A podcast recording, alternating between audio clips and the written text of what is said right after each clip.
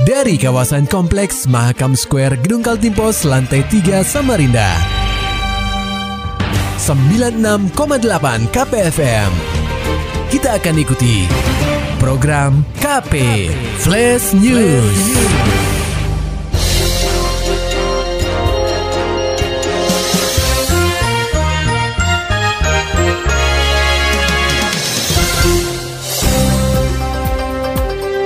Anda sedang menyimak program KP Flash News bersama saya Agung Pratama. Berita utama. Corona meningkat, Gubernur Kaltim Isra Nur tidak happy. Laporan selengkapnya disampaikan reporter KPFM Samarinda, Maulani Al-Amin. Kasus COVID-19 di Kaltim meningkat drastis. Pada 30 Juni 2021, pasien positif corona bertambah 489 kasus membuat kasus kumulatif di provinsi ini mencapai 77.235 kasus. Melonjaknya kasus COVID-19 membuat Gubernur Kaltim Isra Nur tidak senang.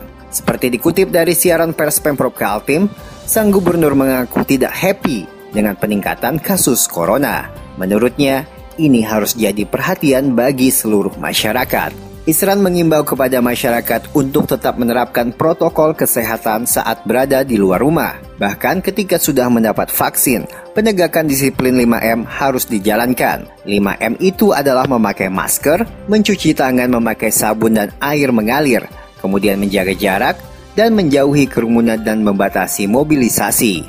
Berikut pernyataan Gubernur Kaltim Isra Nur. Ternyata Balikpapan masih juga lumayan tinggi anunya, tingkat kematian maupun terhadap Ya.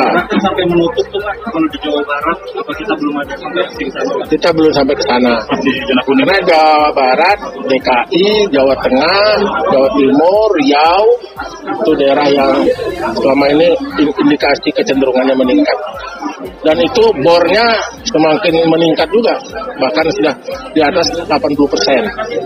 Kita anda kita masih kita 20 persen lah lebih kurang.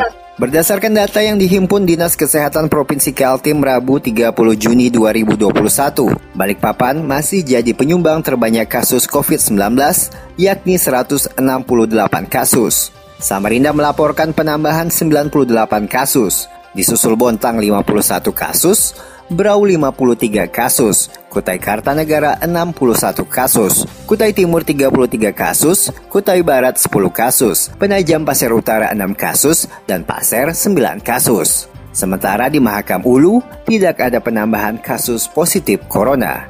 KPFM Samarinda, Maulani Al-Amin melaporkan.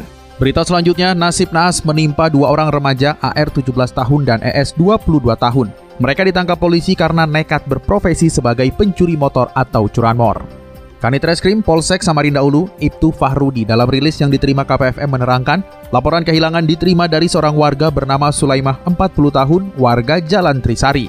Sulaimah kehilangan motor saat sedang asyik nongkrong di tepian Mahakam, segmen Jalan RE Marta Dinata, Selasa 22 Juni 2021.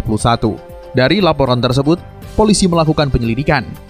Setelah melaksanakan pengintaian dan memeriksa beberapa saksi di lokasi, pada Senin 28 Juni 2021, polisi meringkus dua pelaku yang mencuri kendaraan korban. Dua pelaku, yakni AR dan ES, diamankan di kediamannya dengan barang bukti satu unit motor Honda Beat warna putih milik terlapor.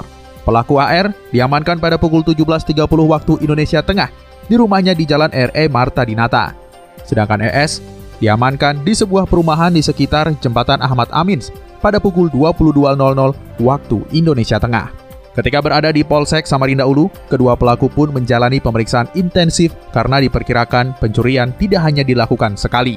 Benar saja, dari hasil pemeriksaan itu, polisi berhasil mengungkap tiga kasus curanmor lainnya yang dilakukan para pelaku. Atas perbuatannya, kini AR dan ES telah ditetapkan sebagai tersangka dan harus merasakan dinginnya lantai penjara. Keduanya terancam pasal 363 KUHP dengan pidana 5 tahun penjara. Sementara itu, warga Jawa atau keturunan Jawa yang menetap di Provinsi Kaltim memiliki tekad menjaga kerukunan dan perdamaian. Terlebih, orang Jawa di provinsi ini mencapai 35 persen, sehingga wajar kemajuan pembangunan juga andil komunitas tersebut. Hal ini disampaikan Ketua Umum Ikatan Keluarga Tanah Jawi atau IKA Pakarti Kaltim, Rusmadi Wongso, kepada awak media di Samarinda.